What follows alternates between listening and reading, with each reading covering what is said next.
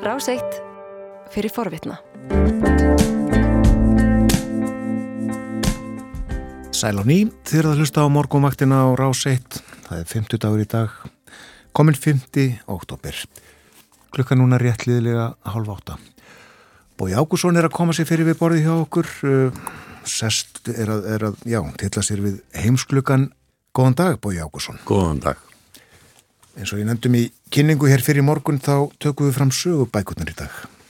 Já, við ætlum að gera það því að uh, um þessa myndir eru 80 ár frá því að þjóðverið er alltaf að handtaka alla gíninga í Damasku flytja í fangabúður. Langflestin er að tókst að komast undan og flýja allir svíþjóðar. Það eru miklar dramatíska sögur af þessu og ég bendi þeim sem að vilja fræðast nánar um þetta á uh, þætti, tvo þætti veru ílluga dóttur í ljósi sögunar þar sem að hún fjallar um þetta á sinn einstaka hátt og við, við, við ræðum þetta kannski aðeins, aðeins önnur aðtrið eitthvað, eitthvað þessu svona samhengisins vegna verðum við að, verðum við að tvítaka með það sem að vera aðeins sagt en, en um, Það fjallaði þetta í, í Danmörkuðu? Já, það er fjallaði um þetta talsvert í, í Danmörku, það hafa verið nokkur þættir að undanförnu þar sem að Þessa er minnst og það sem að rættu verið við uh, fólk sem að uh, þessi segir ekki allir nýjir, það er mjög fáir eftirlífandi af þeim sem að uh, komust af og við heyrum raunar í einum sem að tengist Íslandi í nánum böndum svona undir lók þessa spjall sem við skulum byrja á því að heyra upphaf þáttar sem að Damarsradio síndi til þessa fjallan þessa atbyrði.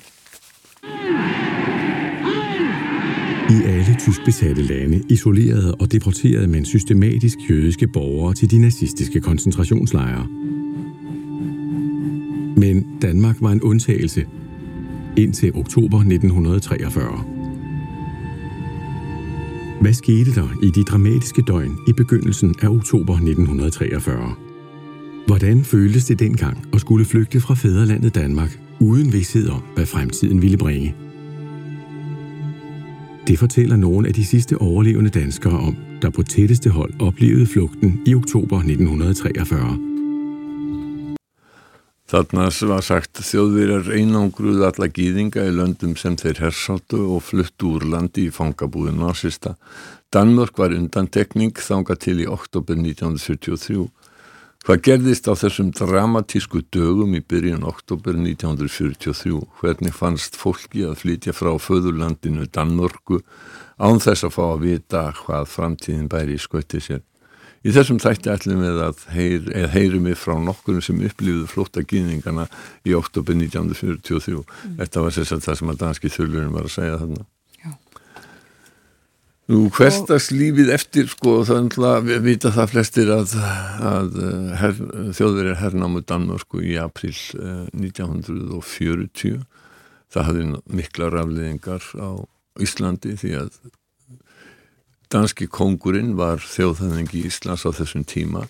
Það margir, því miður ég er oftast að skammast út í sögu þekkingu Íslandinga, margir sem að halda Ísland hafa orðið sjálfstætt og fullvalda ríki 1944, það er ramt, það var 1918. Ísland var bara konungsríki og uh, það var Kristján X, konungur Danmarku sem var þjóðhæðingi í Íslands. En eðlum áttið samkvæmt þegar að þjóðhæðingin er einangraður í uh, hersetnu landi og að maður tala um um viku, nei mánuði setna þegar breytar herrnámi í Ísland að þess vegna skipa, Sveit Björnsson skipaður ríkistjóri uh, á Íslandi, þess að staðgengil konungs. En hverstastlífið, það gekk eiginlega sinn manna gangir það ekki Danmarku svona framann af? Jú, það gerir það. Danir gáðust strax upp en það áttuður enga möguleika á að verjast. Stjórnin satt áfram og hún vann með herrnámsliðinu Þjóðverjum var mjög í mun að halda ró og friði og spekt í Danmörku, ekki stefnað landbúnaðar útflutningi sérstaklega frá Danmörku til Þískarnas í hættu. Eh, þess vegna letu þjóðverjar danska gýninga í friði allt fram í september 1943 og þetta er lungu eftir að þeir eru farnir ofsækja á myrða gýninga í öðrum löndum sem þeir hersáttu. Um, en... en og það má, má ríða þetta er eins nokkri dagar frá því að þess var minnst í Úkrænu að þjóðverðar myrtu meirinn 30.000 gýðinga í kænugarði í, í fjöldamorðum sem kendur við Babi Jar Babi Jar er gíli í borginni. Og þetta var strax 1941 fáum vikum eftir að eh, kænugarður að Kíf var hernuminn og það er talið að nazista hafi myrst þarna alltaf 150.000 manns á þessum stað á meðan þeir hersáttu Kíf En þeir letu uh, geðinga í Danmörku í friði? Já, þeir gerðu það.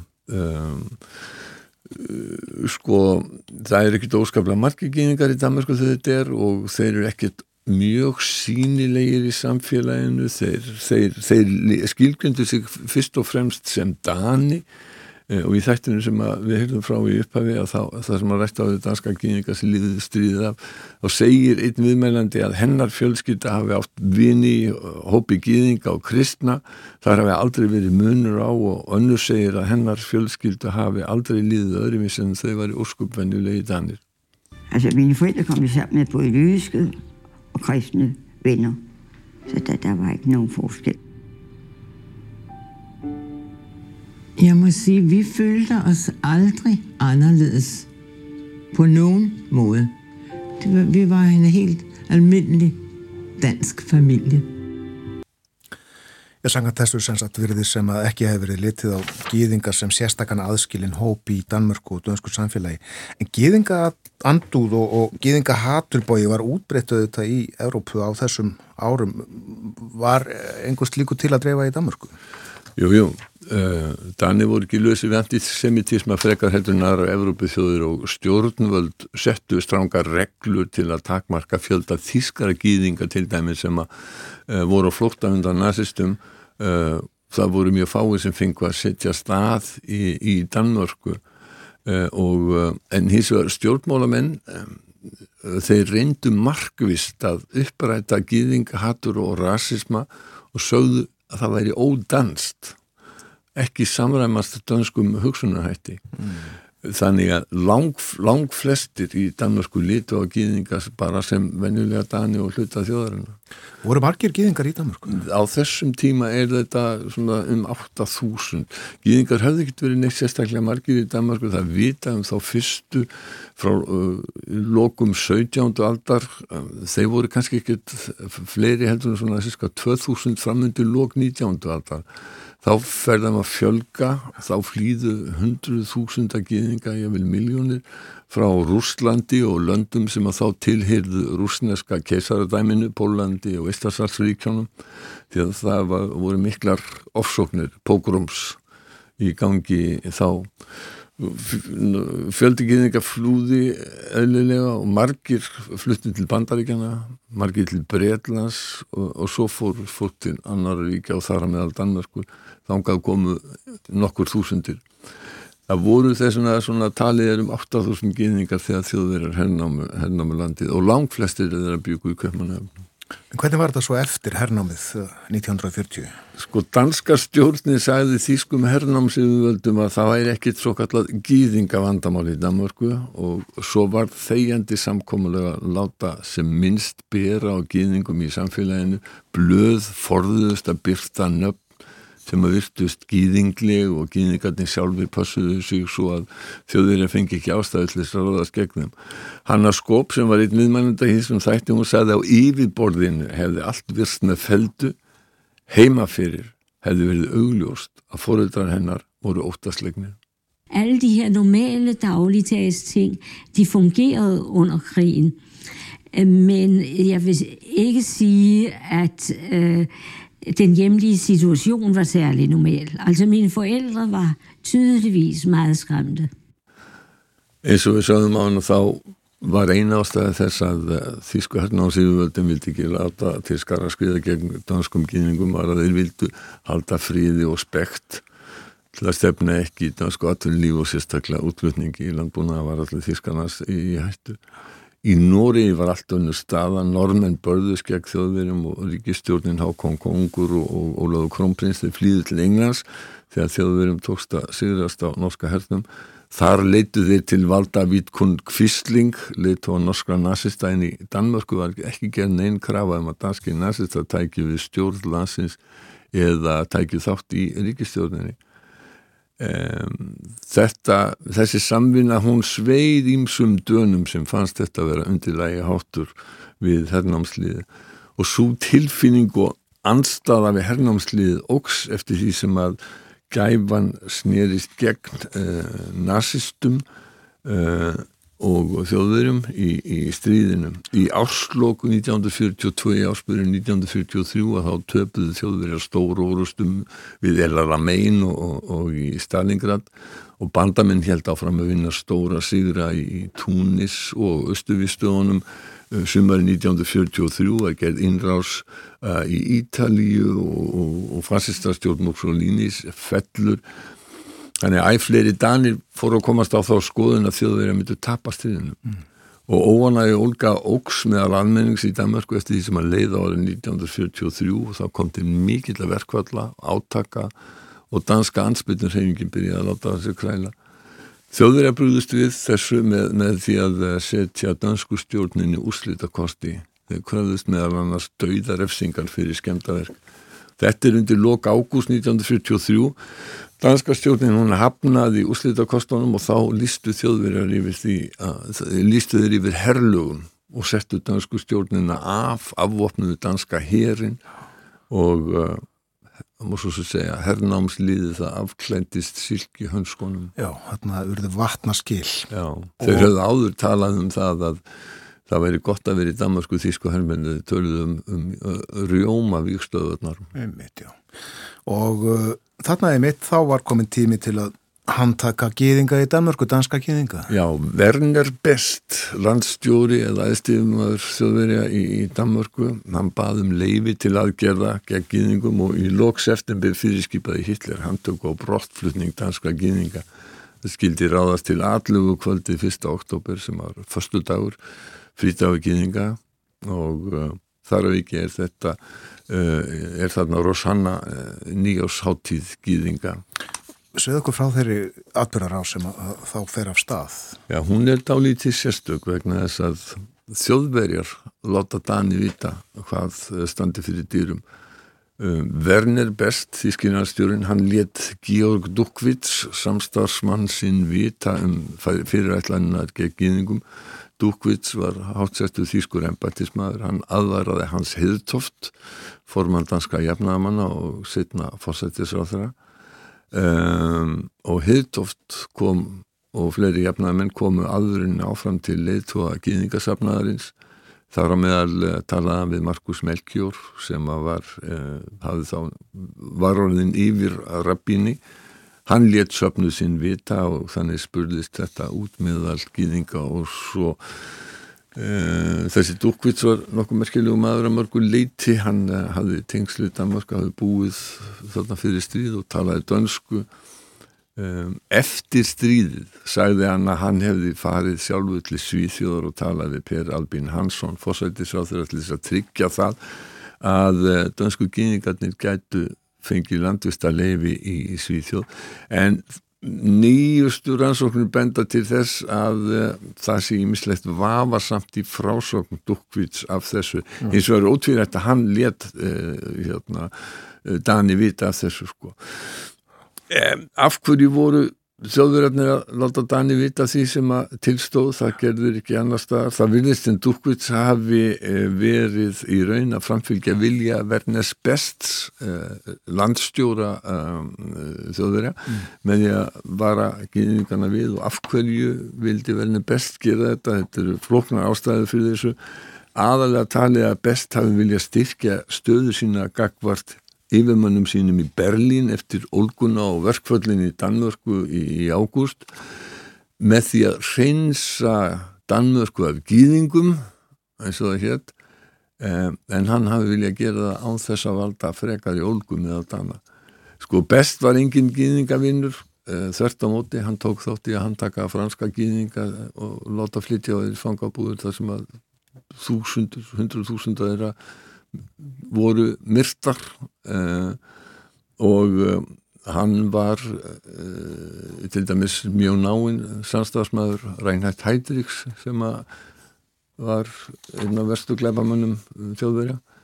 En, en, en best viljast hafa mitt í stuðuna þannig í september 1943 að það veri best að, að, að, að hérna, láta á að vita og þetta er því því friðsamleitt Arne Melkjór, við vorum að minnast á Markus Melkjór, Arne Melkjór og sonur uh, Rabbinas, hann var unglingu þegar þetta var og hann sagði að það hefði oft verið orðrumur um það að þjóðverið ætluði að fara að handtaka gíðinga og flytja við fangabúðir. Þetta hefði samt allt saman reynst ósanna sögursagnir. Der gik ind imellem rygter om, at nu skulle jøderne fanges og sendes i forskellige lejre i andre lande. Og det skulle ske på mandag og så videre og så videre. Men hver gang viste det sig jo, at det havde været usande rygter. Arne Melkjör yfir Rabbinarsonur en í þetta skipti þá var það rétt að, að þjóðverðar voru í þann mund að, að láta til skaraskriða Já, í þetta skipti og þá var það, var þetta raunveruleikin, það var ekki bara úlfur úlfur, kannski rétt að geta þess að Arne Melkjör eins og lang flest allir uh, gýningar sem að slöpu yfir til síðan þá koma aftur tilbaka Já. og uh, hann uh, hann var setna einn af framámönnum í dansku stjórnmálulífi og var, var meðal annars samgöngur á þeirra og, og, og fleira og bróðir hans var, tók síðan við að föðu þeirra sem, sem, sem yfirrappin í, í Kaupmannöfn og svona hans er síðan tekið með því þannig að þetta gengur mann fram að manni þarna sko. en það sem, það sem að gerist er það að gýðingar eru látnir vita.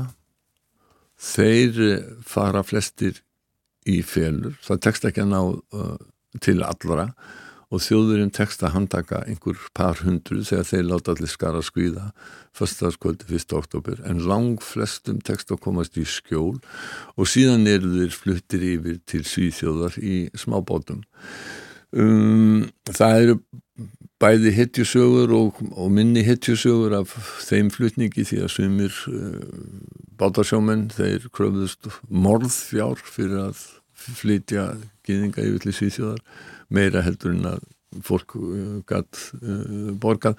Ég vísa aftur í, í þessa umfjöldun uh, veru ílva um, um, um þetta í ljósi sögunar þar sem hún er með, með, með sögur af þessu. En þetta tókst ótrúlega vel samt. Og það var svona eins konar, getum við sagt, samsæri með stærstum hlutadönsku þjóðarinnar um það að skjóta skjólsúsi yfir gýðinga og aðstofa til þess að komast yfir. Enda, eins og við nefndum á hann, þá var lítið á gýðinga bara sem venjulega danska borgara og uh, danska þjóðkirkjan átti, sinns átti í því að uh, hjálpa gýðingum þarna yfir þannig að Það eru, það er margar fallega sögur en því miður, það eru margar miður fallega sögur. Um, eitt sem að, ég ætla að bæta við þér um, í lókin, þetta snertir Íslendinga mjög vegna þess að einn af þeim sem að uh, flúðu þarna yfir e, rauna 8. oktober uh, 1943 var uh, Hans Rotenborg og Hans Rotenborg var 16 ára gammal þegar þetta var. Og hann giftist setna íslenskri konu Guðrúnu Sigriði Jakobsdóttur sem var sýstir Svöfu Þós Jakobssonar og Jökuls Jakobssonar og uh, hún uh, Guðrún Sigriður var kallið Titta, hún dó akkurat á þessum degi 5. oktober fyrir, fyrir, fyrir fimm árum síðan en Hans Rotenborg hann lífir enn 96 ára gammal og uh, sonur Jórunar Daniel Hans Ellensson hann uh, fór og talaði við af sinn í fyrirveitur held ég að hafi verið. Og þetta er núna orðið partur af, af um, uh, videóm sem að minnilúnen sem að er minningalundur í Köpmanahöfn hefur tekið saman um reynsluna úr síðan hinsturöldinu og þar eh, segir eh, eh Hans eh, Rotenborg dóttur síni sínum frá þessum flóta og það er náttúrulega alveg eins og, eins og, eins og eh, við má búast það þar eru gríðarlega dramatíska sögur þeir fóru í felur, þeim var hjálpað og þau voru í félum í viku en, en sem sagt 8. oktober og þá er þeim, er þeim sagt að fara út í einhvern pínulítinn bát sem að að, að, að, að kvöldlægi, við skum heyra östut brota því sem að Hans Rotenborg segir uh, þegar að það kemur uh, einhver lögga og segir sko hýpi ykkur, drifið ykkur, drifið ykkur hérna, þjóðverðin er að koma Vi bliver skubbet ud af en stor hertebred politibetjent, som siger, se så og kom afsted for helvede, for tyskerne de er her. Og så sparker han til båden, så den ryger ud midt i Pavlebassinet. Svo fór vélinn ekki í gang og uh, sá sem að átti að vera skipstjóru bátnum vissi ekkert. Hann var atvinnulegs bakari en þau þeim tekst að komast á stað uh, og uh, bakarinn hann bara sér ljósinn í Malmu og stefnir beint á þau en átt að sig ekki á því að salthólmunin er á milli þannig að þau stranda við salthólmin og svo tekst þeim að þetta er svo lítill bátur að þau hoppa fyrir borð og ít honum frá og og uh, halda svo áfram og þar kemur að það kemur einhver stór bátur í, miskrinu og stoppar þau og þá segir Hans Rotenborg að nú held ég að þetta væri búið Og da vi kommer et eller andet sted ude i, jeg vil skyde på, omtrent midt i, i Øresund, så bliver vi standset af en stor patruljebåd, sådan en rigtig gammel skåndert. Og så tænkte jeg, så, så, var det, så kom vi så langt og ikke længere. Og så hører vi det her, god aften, god aften. Kom, så skulle vi komme ombord. Det var sådan en svensk patruljebåd, og ikke en tysk, heldigvis. En þau, þau heyrðu þá sem að voru í batnum segja góð afton og það áttu þessu að því að þetta var sænsku varðbáturinn ekki þýskur og þau voru komin þau voru horfin Hugsaði tilfinninguna sem Já. brjóstum þeirra Já. þá.